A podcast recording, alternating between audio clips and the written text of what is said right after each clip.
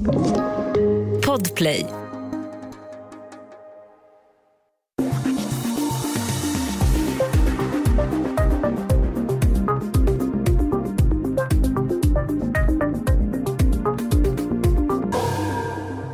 I början av 2004 kallas polis och ambulans till ett mindre samhälle utanför Uppsala där en man och en kvinna har blivit skjutna. Vittnen förhörs i ett tidigt skede. De beskriver en okänd gärningsperson. Men det ska snart visa sig att den som avlossat skotten är någon de alla känner. Fallet utspelar sig bland en grupp människor som alla är med i samma pingstförsamling. Och det här är inte den första incidenten genom åren. Polisen får klart för sig att det är ett komplicerat fall med många pusselbitar. Även efter ett gripande och erkännande är det fortfarande några som saknas. Kommer pusslet verkligen gå att få ihop?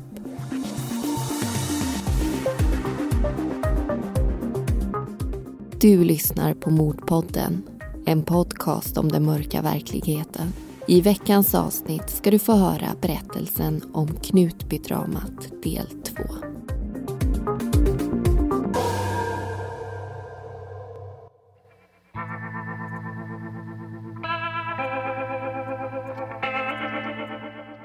Under 90-talet får Philadelphia-församlingen i Knutby en ny start. Den går från att vara som vilken pingstförsamling som helst till att bli någonting unikt.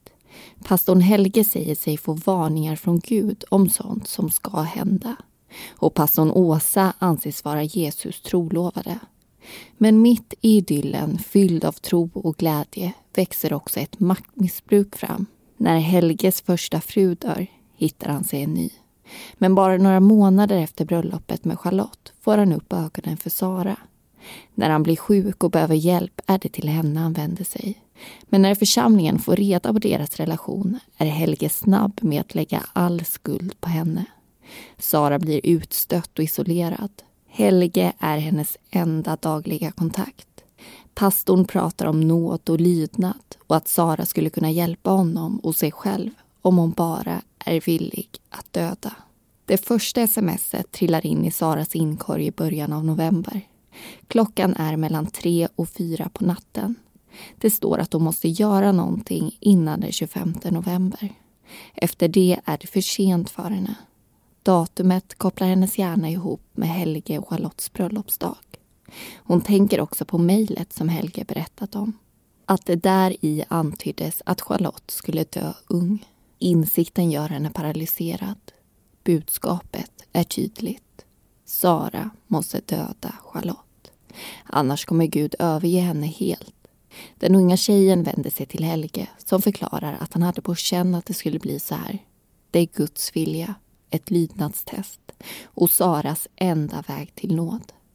Sara vill inte döda någon, men över allt annat vill hon få nåd. Bara tanken på det får lättnaden att svämma över. Kanske är det som med Abraham i Bibeln.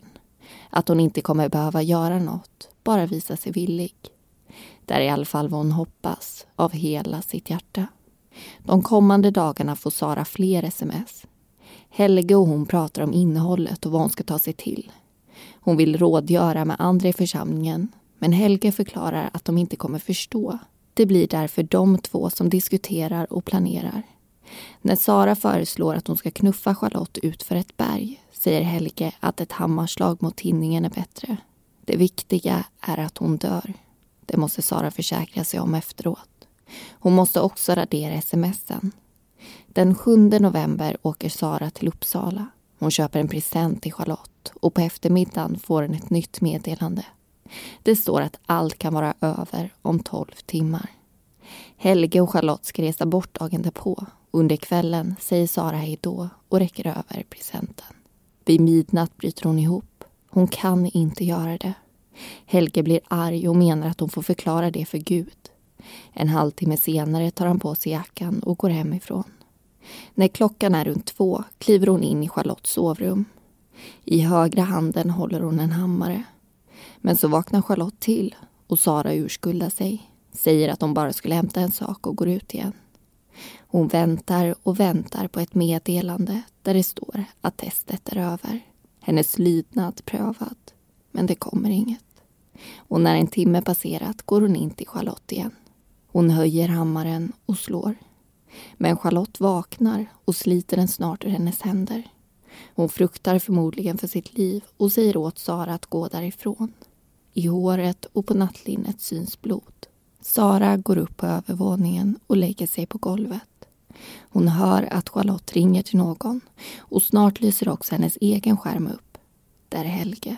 Sara förklarar att hon slagit så hårt hon kunde. Inombords är hon helt tom och hon ber om förlåtelse. När Helge kommer hem ger han henne en kram. Han säger också åt henne att lämna Knutby. Flera församlingsmedlemmar är nu på nedervåningen och Helge går ner till dem. Sara kan höra att han gråter. De som är där tror säkert att det är tårar för det hans stackars fru tvingas gå igenom. Men Sara anar att det istället är för hennes misslyckande. Runt klockan fem på morgonen därpå sätter sig Sara på en buss hem till Vaggeryd. Det känns som att allt är över för henne. Men Helge lovar att han ska fortsätta be för hennes nåd. Inför pappan försöker hon att inte visa hur hon egentligen mår. Sorgen och chocken över vad hon gjort. Församlingen markerar tydligt att hon inte är välkommen tillbaka men informerar henne också om att de inte kommer göra en polisanmälan. Så kommer två nya sms. Det står att det kunde ha varit över. Men också att det inte är för sent. Att det är bra att Sara visat sig villig. Men nu måste hon göra det ordentligt. Hon får åka upp i hemlighet. Annars kommer hon bli stoppad. Men Sara vill inte mer. Den 25 november kommer och går. Deadlinen löper ut och för ett ögonblick tänker Sara att det är över. Men så säger Helge att det inte är det så länge han ber för henne. Insikten ger Sara hopp. De kommande veckorna ska hoppet blandas med ångest och stress. Hon söker förtvivlat efter ett skjutvapen. Först i och runt Vaggeryd och sen i Stockholm. Några dagar innan jul tar hon ut en större summa pengar. En man har hört talas om hennes förfrågan och säger sig ha ett vapen. Han vill ha pengar i förskott och hon lämnar över 15 000. Men något vapen ser hon aldrig röken av. Hon och Helge pratar bara i smyg. Enligt församlingsledningen får han inte längre ha kontakt med henne, men det struntar han i. För Sara berättar han om en dröm han haft. Att han i den sett två gravstenar. Den ena var Charlottes och den andra Thomas. Sara vet mycket väl vem Thomas är. Han är snäll och trevlig och hon vill inte att han ska dö. Men Thomas står också i vägen för någonting. Helges relation med grannfrun Maria. Thomas är nämligen Marias man. I ett sms tycks både Charlotte och han komma på tal. Det står Det första är ditt måste. Den andra kan du göra av kärlek. För Sara förklarar pastorn att de båda lever på övertid. Det är inte bra. De behöver komma hem till Gud, där de hör hemma. Och det är Sara som fått i uppdrag att hjälpa dem. Därför måste hon sluta dra ut på det. Han hör av sig titt som tätt för att få uppdateringar kring det som händer och verkar angelägen om att det ska ske snarast. Sara säljer av fonder och tar ut mer pengar. Hon gör ett nytt försök att få tag på ett skjutvapen och på nyårsafton lyckas hon. Till en början vill Helge att det ska ske samma natt, men så ändrar han sig. Och Sara, som hoppats på beskedet, pustar ut. Det sätts ett nytt datum lite mer än en vecka in på det nya året. Den här gången måste det bli av.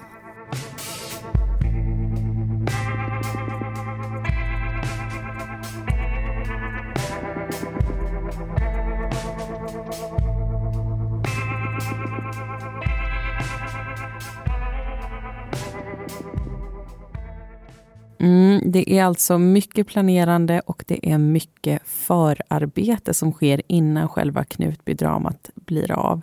Men nu är vi snart framme vid den här händelsen. Eh, och den berättelse som vi just hörde, liksom den sista som vi berättade i förra avsnittet, bygger nästan uteslutande på Saras vittnesmål, så ni är medvetna om vart den här informationen också kommer ifrån. Och innan vi går vidare in i diskussionen så vill vi påminna er om att vi numera samarbetar med Podplay. En podcastplattform där du hittar vår podd och även en massa andra poddar.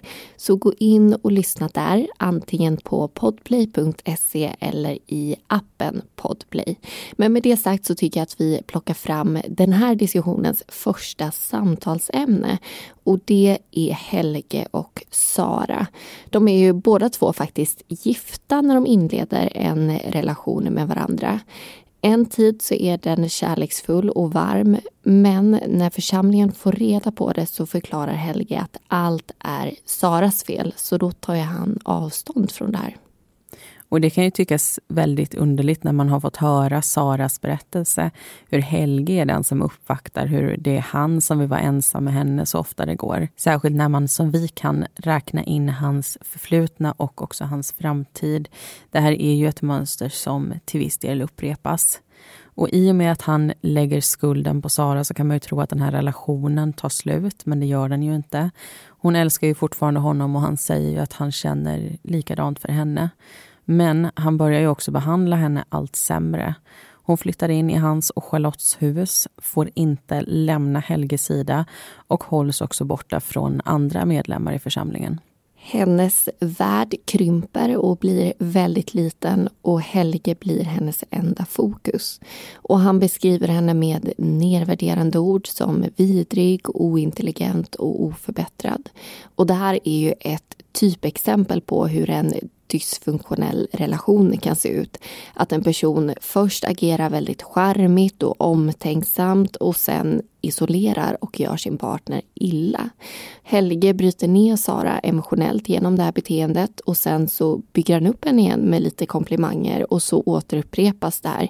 Så han blandar upp det här dåliga med lite bra saker också för att det då ju ska finnas någon anledning för Sara att stanna kvar hos honom.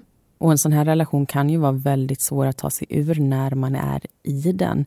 Alltså det är lätt att rättfärdiga sin vardag oavsett hur den ser ut. Man kan säga alla par bråkar, man måste kämpa för den man älskar och så vidare. Och så vidare. Och särskilt om man som Sara är ganska ung eller om man är kanske oerfaren eller naiv när det kommer till relationer så är det lätt att hamna i den här fällan och det är inte någons fel men det kan bli så.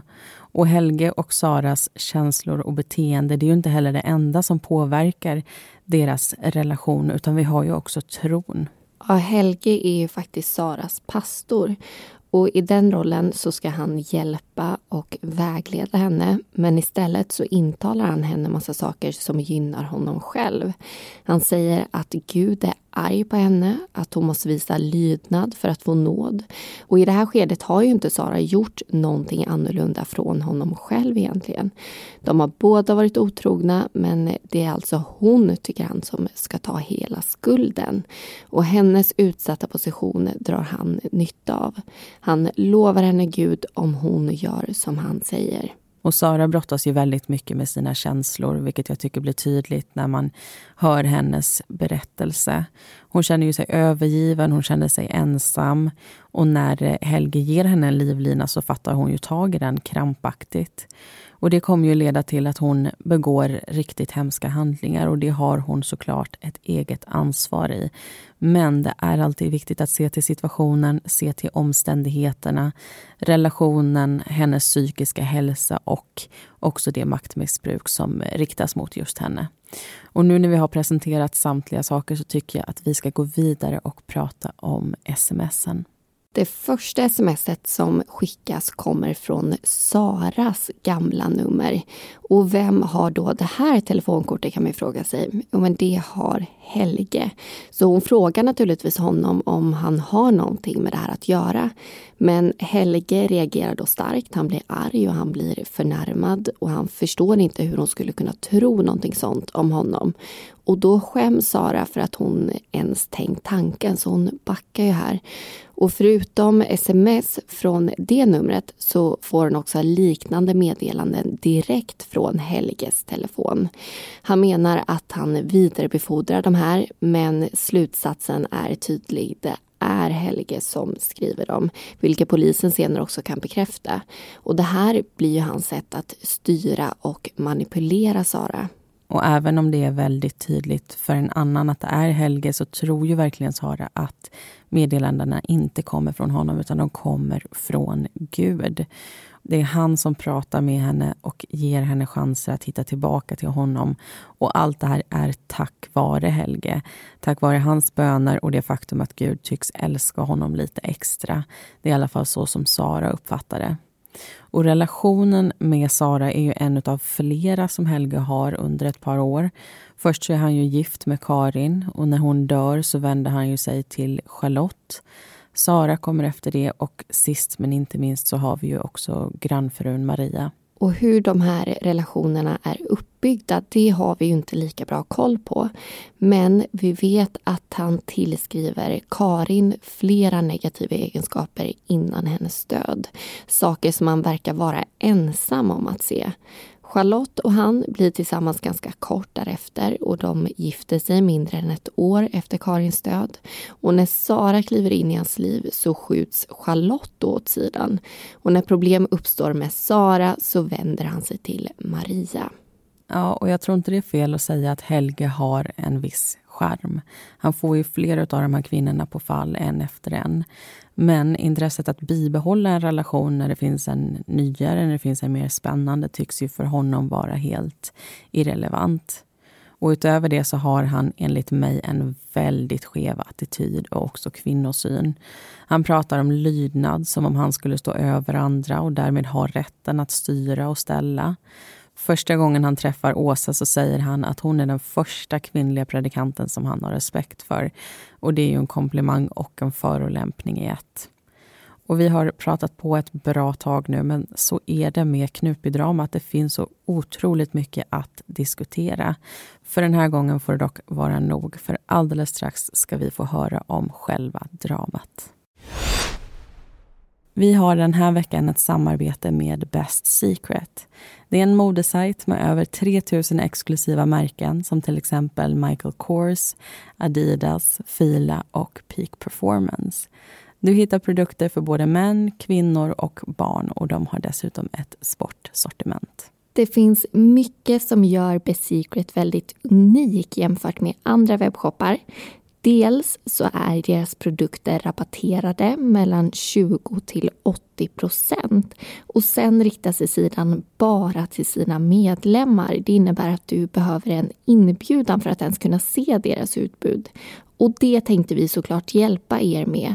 Vi har nämligen fått den unika möjligheten att bjuda in våra lyssnare.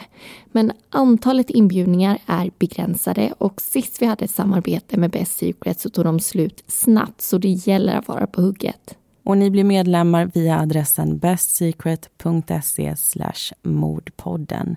Men kom ihåg att det alltså är först till kvarn som gäller. Vill du ha mer avsnitt av Mordpodden? Då får du inte missa våra exklusiva avsnitt hos Podmi. I närmare två år har vi nu berättat om några av Sveriges mest och minst kända mordfall. Blandat kalla fall utan uppklarning med försvinnanden och återfallsmördare. I vårt senaste avsnitt berättar vi om ett mord från 2005 där en man hittas död i ett badkar Låter det intressant så tycker jag att du ska gå in på podmi.com eller ladda ner podmi appen och ge våra exklusiva avsnitt en chans. Första månaden lyssnar du helt gratis.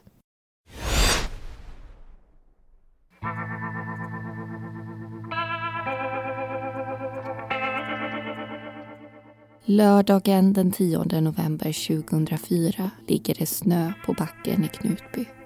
Det är runt fem minusgrader utomhus men hemma hos församlingsmedlemmarna är det varmt och skönt. När Jerker kommer hem efter ett besök hos några vänner är klockan runt ett på natten. Han, hans fru och deras två barn bor i en villa som de delar med Thomas och hans fru Maria. Trots den sena timmen smyger Jerker in i sovrummet. Frun är vaken och de växlar några ord. När sonen också öppnar upp ögonen plockar Jerker upp honom och går ut så de andra kan sova. De lägger sig på en gässäng i rummet bredvid. En stund senare hörs ett skarpt ekande ljud som Jerker inte kan placera. Kort därpå kommer två smällar. Thomas rum ligger alldeles intill och när mannen hör ett kvidande går han dit med sonen i sina armar. Jerker får syn på altandörren som står öppen och Thomas som ligger i sin säng. Han säger att han blivit skjuten av en mörklädd person som flytt därifrån. Jerker ser till att stänga den öppna dörren medan Thomas själv plockar fram sin mobil och slår in 112. Det första han säger till larmoperatören är att han blivit skjuten. Han förklarar var han befinner sig och räcker sedan över mobilen till Jerker som säger att det är blod i hela rummet. Det kommer från Thomas huvud och bröst. Ambulans och polis får larm om att bege sig till adressen snarast. De åker i ilfart mot ett samhälle de sällan har anledning att besöka. När de kommer fram packas Thomas in i ambulansen som kör vidare till ett sjukhus. Medan polisen försöker få fatt i den mörklädda och okända gärningsperson som beskrivits. Vinternatten underlättar knappast det arbetet och de bestämmer sig för att göra ett spårsök. När hund och hundförare är på plats och insatta i situationen kan de börja. Det sniffas runt alla sidor av huset. På baksidan finns flera skoavtryck i snön som leder fram och bort ifrån altandörren. Men det är inte där hunden markerar utan längs en väg som leder till en av grannarnas hus. Spåret går österut och efter att insatsstyrkan anlänt kan hund, hundförare och förstärkningar följa det. Det går över ett gärde och en väg, in i skogen och längs en ridstig. Till slut når skaran en mindre skogsväg och en vändplan. Därifrån kan inte hunden leda dem längre. Men det behövs inte. På marken syns nämligen tydliga och relativt färska däckspår. Poliserna följer vägen ungefär 100 meter till några hus. De knackar på och en kvinna berättar att hon vaknat av en bil som rivstartat runt femtiden. I samma stund blir poliserna hämtade. I ett av grannhusen har man precis hittat ytterligare en skottskadad. Den här gången en kvinna som heter Charlotte. Thomas har en tuff tid framför sig på sjukhuset men han kommer att överleva. Charlotte däremot har inte samma tur. Skotten har träffat så illa att hon avlider samma dag. Förundersökningen handlar nu om mord och mordförsök. Det är dags att hitta gärningspersonen. Flera församlingsmedlemmar och grannar hörs om händelserna den natten för att rama in inte bara vad som hänt utan också motivet. Thomas kan inte ge polisen ett specifikt namn på någon som velat honom illa. Han har inga ovänner och tänker att gärningsmannen kanske tagit fel eller att det inte har med honom personligen att göra utan med församlingen i stort. Långt ifrån alla i Knutby är troende och vissa i området kan vara hatiska, berättar han. Men det är först när polisen tittar på Charlotte som en misstänkt växer fram. Strax efter att Helge fått dödsbeskedet får han frågan om någon var ute efter hans fru. Han börjar berätta om Sara och att hon bara någon månad tidigare slagit en hammare i Charlottes huvud. Med det hamnar Sara överst på deras lista över människor de vill prata med. I Vaggeryd ringer det snart i en telefon. Saras pappa svarar och får veta att det är polisen. De står på gatan utanför och är där för att hämta hans dotter. De är fem stycken totalt, utspridda på bak och framsida och utrustade med förstärkningsvapen. Pappan berättar att Sara är där och en kort stund senare kommer hon ut. Hon får ta på sig en jacka och ett par skor. Sen körs hon till polisstationen i Jönköping. Sara informeras om brotten de misstänker henne för. Till en början nekar hon. Men i det tredje förhöret, efter en lång tystnad, kommer ett erkännande. Sara säger att hon gjorde allting helt själv och att ingen annan varit inblandad. Vapnet hon använde var en revolver och den ligger numera på botten av Östersjön. Tidigare under dagen körde hon till Ölandsbron och kastade den över räcket. De kommande veckorna har utredarna fullt upp. De får ett tips från en före detta medlem som beskriver församlingen i Knutby som en sekt. Där är Åsa och Helge som styr den och medlemmarna utnyttjas. Sanningshalten i tipset är svår att bedöma men är det den typ av kultur i församlingen kan det hjälpa utredarna i deras arbete. Saras ord om att hon ensam är ansvarig har också triggat en nyfikenhet och man inleder en telefonavlyssning. Samtidigt görs flera husrannsakningar och brottsplatsundersökningar i Knutby. Den 22 januari intar dykarna området kring Ölandsbron. Dykningarna ska vara i en månad. De hårda vindarna, isbildning och kyla sätter nämligen käppar i hjulet vid flera tillfällen. Men de hittar ändå till slut det de söker. En revolver och flera patroner. Telefonavlyssningen ger också napp. I ett samtal säger Helge att de ska be för att det inte finns några spår mot honom, Åsa eller Maria. Sara ska ensam stå skyldig. Åsa är orolig. Hon undrar vad den yngre tjejen ska säga om henne eftersom det var Åsa som fördömde henne. Otroheten mellan Helge och Maria hamnar också under ett dåligt sken. I slutet av januari blir Helge anhållen. En tid är också Maria misstänkt. Men varken hon eller Åsa anses senare ha haft någonting att göra med mordet eller mordförsöket. Helge däremot är en annan historia. Han erkänner relationen till Sara och att de haft kontakt även efter att hon lämnar Knutby. Han berättar att tiden med henne kostat honom en del. Relationen gjorde att Åsa vände sig emot honom. De gånger han var elak mot Sara berodde det på att Åsa bevakade hur han betedde sig. Hon uteslöt Sara från gemenskapen och det påverkade hennes livsglädje. 2003 förändrades Sara märkbart. Hon grottade ner sig i Bibeln och fastnade för konstiga och ofta våldsamma stycken. Helge försökte hjälpa henne ur det.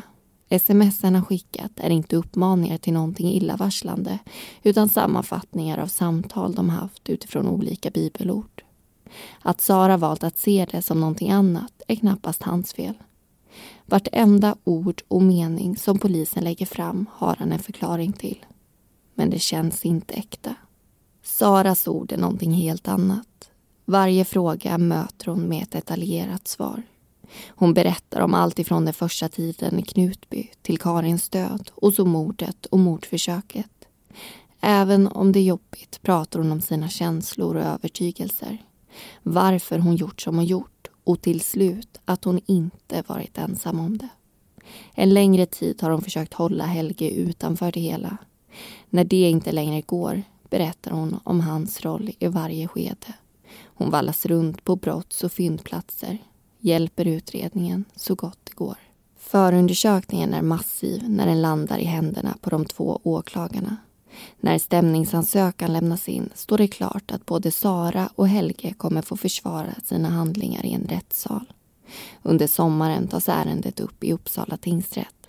Det blir en lång huvudförhandling som bevakas av många medier. När domen faller står det klart att Helge gjort sig skyldig till anstiftan av både mord och försök till mord. Påföljden blir livstidsfängelse. Sara i sin tur döms för mord och försök till mord. Men för henne väntar rättspsykiatrisk vård. Båda överklagar till Svea hovrätt som fastställer besluten.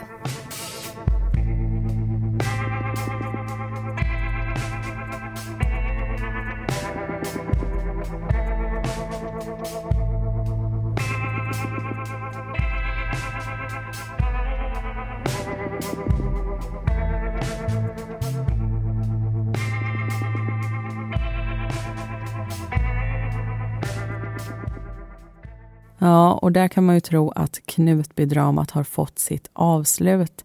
Men vi är ju faktiskt inte riktigt där ännu.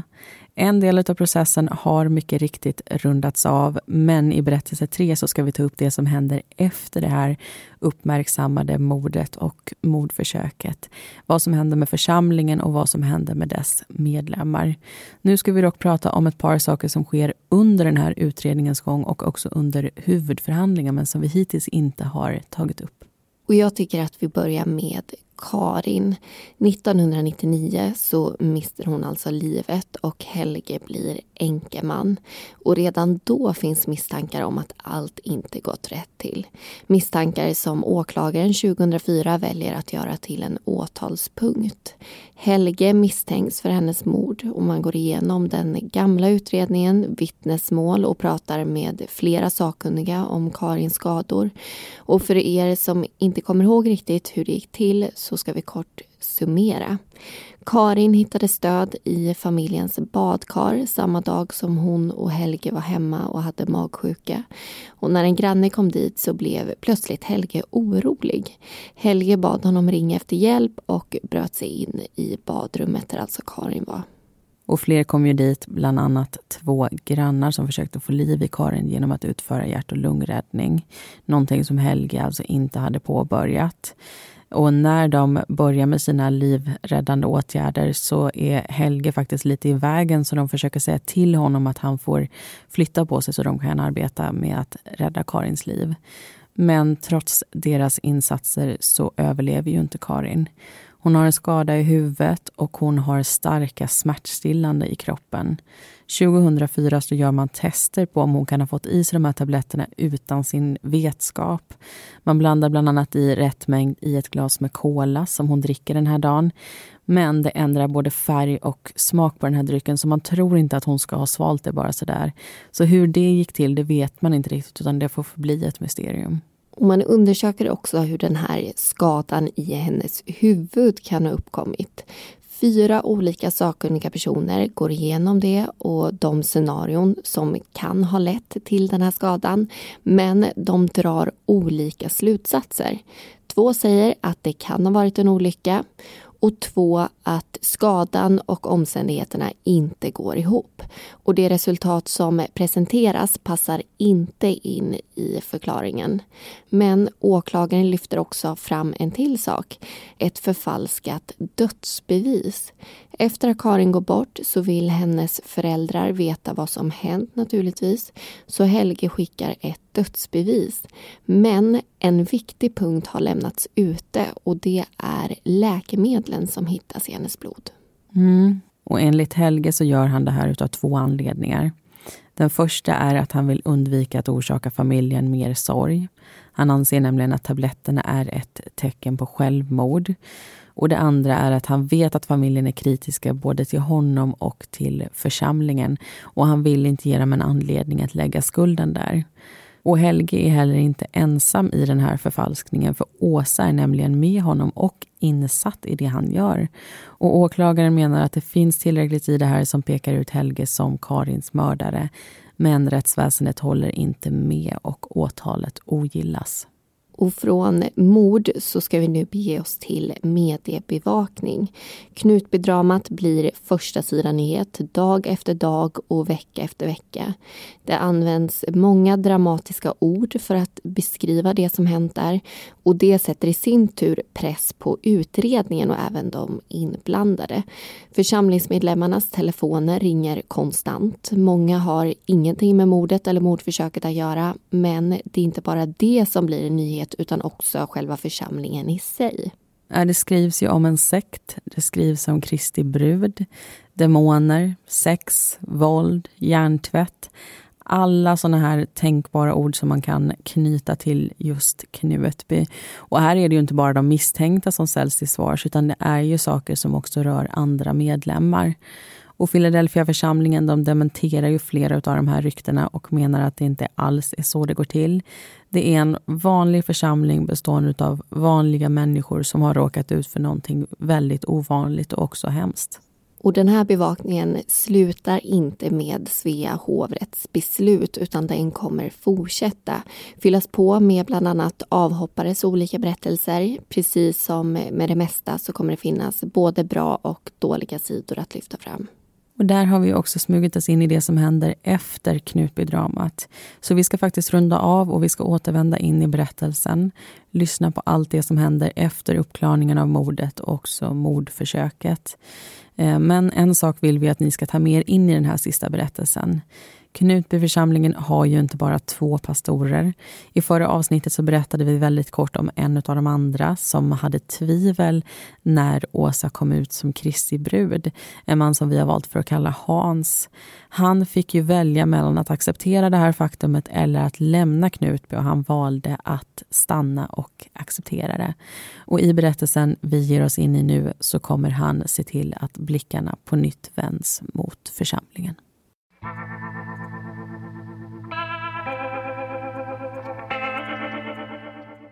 Efter mordet och mordförsöket försvinner Helge och Sara från Knutby.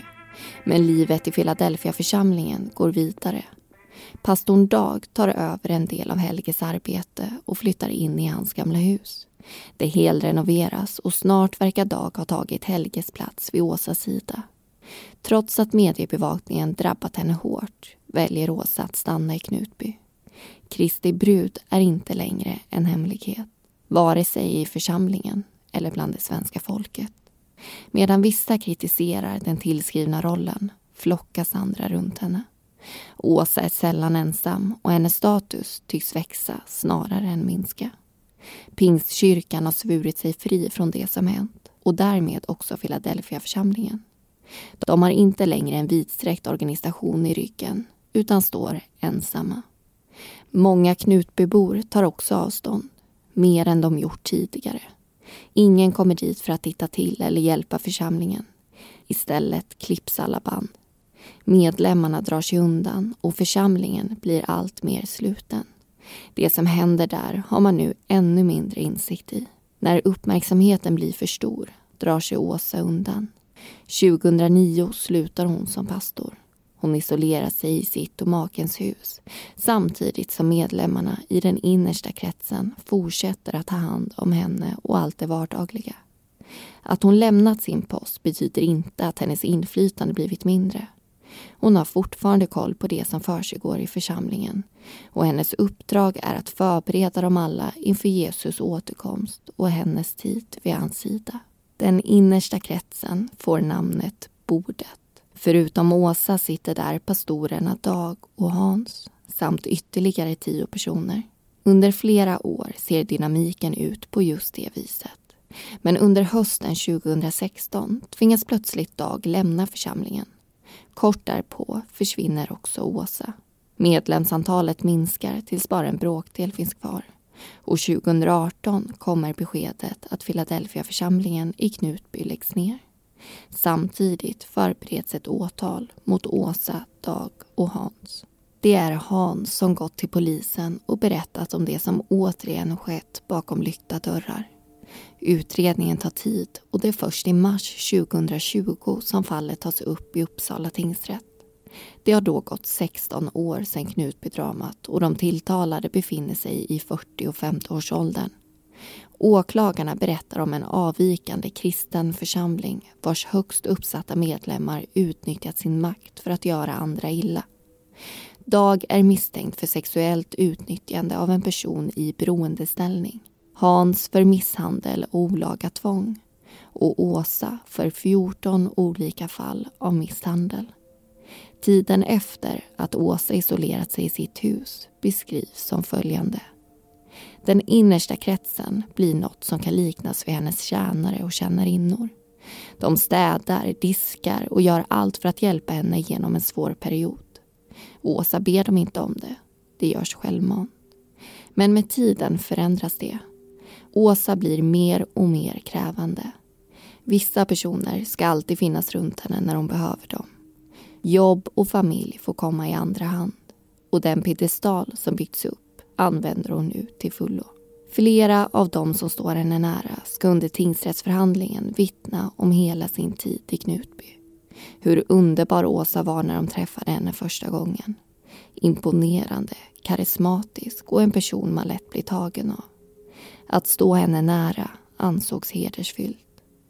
Åsas relation med Gud var unik och spännande. När hon pratade lyssnade man. Särskilt när hon förklarade att man hade fel. Men med tiden förändrades Åsa. Efter systerns död var hon ledsen, men också besviken. Någon i församlingen berättade för polisen att hon kallades för Kristi brud. En nyhet som också snart nådde medierna. När Åsa fick reda på att det inte längre var en hemlighet blev hon vansinnig. Relationen mellan henne och den övriga församlingen försämrades. När hon och Dag gick ihop kom de tillsammans fram till ett sätt att kuva medlemmarna. Bestraffningar infördes. Inuti huset var det Åsa som styrde, utanför ytterdörren Dag. Medlemmarna i den innersta kretsen tyckte synd om henne. De var där för att hjälpa. Men Åsa blev bara mer arg och mer sluten. När ilskan kom höll hon inte tillbaka.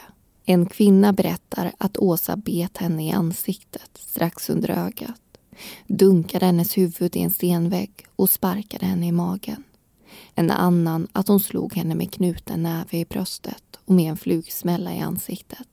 och en tredje att den forna pastorn slet loss tussar av hennes hår. Enligt Åsa var det dock inte illvilja som låg bakom. Bestraffningarna var en form av tillrättavisning. När medlemmarna gör fel är det hennes jobb att leda dem rätt. Under sommaren 2015 kom en av medlemmarna till henne i förtvivlan. Han kände sig vilsen och ledsen. Men någon hjälp skulle han inte få. Istället fick han höra att han borde skärpa sig. Åsa utdelade flera slag. Ansiktet blev svullet och ur näsan rann blod. Vid ett annat tillfälle blev han ombedd att gå därifrån. Men när han gjorde det kom Hans ikapp och tvingade ner honom på marken. Han fick krypa längs uppfarten och in i huset för att be Åsa om nåd. Hans utdelade också ett flertal örfilar och slag. Under vintern blev Åsa irriterad på en tjej som ännu inte fyllt 18. Hon var en del av Åsas följetong men när hon kom för nära Dag markerade den äldre kvinnan att det inte var okej. En dag när tjejen och hennes mamma var hemma hos Åsa tvingades hon ner på marken. Åsa stampade på hennes bröstkorg för att driva ut ondskan. Tjejen hade vuxit upp i församlingen och Dag och hans fru såg hon som ett extra par föräldrar. Hon litade på Dag och ville inte göra honom besviken. Under sommaren 2015 började den 45-årige mannen och 17-åriga tjejen ha sex. Något som Dag förklarar att han hade med flera kvinnor för att Åsa och Jesus skulle återförenas. Allt våld riktades mot sex individer. De berättar detaljerat och känslosamt och rätten hittar inga tecken på lögner eller efterhandskonstruktioner. Men för att kunna göra säkra bedömningar vill man inte låta någons vittnesmål väga tyngre än någon annans. Därför klargör man att stödbevisning krävs för att ett åtal ska leda till en dom. Det måste finnas människor som har talas om eller sett våldet. Och eftersom en viss tid passerat kommer eventuella påföljder att förmildras. Man går igenom varje örfil, spark, huvuddunkning och hårslitning tittar inte bara till de fysiska skadorna utan också att det många gånger kombinerats med förnedring. Målsäganden kunde bli utsatta för våld inför en publik och efteråt kände många skam. Som om det var deras fel. Deras dumma beteende och handlingar som lett till att Åsa tvingats göra dem illa. Det var Kristi brud det var synd om. Synd att hon fick ont i handen när hon slog. Synd att hon gång på gång var tvungen att styra dem rätt. Förutom svullnad och öppna sår kände flera medlemmar rädsla och oro. Nätterna kom att präglas av mardrömmar eller sömnlöshet. Dagarna av skuld och skam. Hans erkänner sina gärningar. Dag förnekar. Åsa lite av varje. Hon medger vissa örfilar och att hon kan ha satt en fot på någons bröst. Men inte att det varit tal om upprepat våld eller några av de grövre handlingarna. I mars 2020 kommer tingsrättens dom. Hans döms för misshandel och olaga tvång och får villkorlig dom samt dagsböter. Dag anses skyldig till sexuellt utnyttjande av person i beroendeställning och får villkorlig dom med samhällstjänst. Sist men inte minst har vi Åsa. Av de 14 misshandelsfall hon var misstänkt för döms hon för åtta. Påföljden blir villkorlig dom och samhällstjänst. I slutet av domen kan man konstatera att alla målsäganden sökt hjälp för sitt psykiska välmående efter tiden i Knutby. De har tillskrivits diagnoser som posttraumatiskt stresssyndrom, gått i samtalsterapi och fått mediciner utskrivna. Inte heller de dömda tycks ha kommit undan utan olika men. Philadelphia-församlingen har satt sin prägel på dem alla. Men med domen 2020 kanske det äntligen kan få sitt avslut.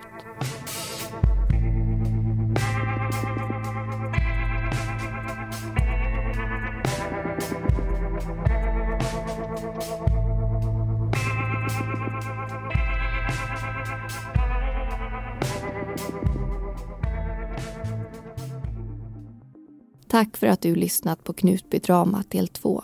Alla förutom Helge, Sara och Åsa heter egentligen något annat och informationen är hämtad ifrån domarna och förundersökningen i fallet. Uppdrag granskning, Knutby och P3 Dokumentär. Det var allt för den här säsongen. Tack för att ni varit med oss och håll utkik på våra sociala medier om ni vill veta när vi kommer tillbaka.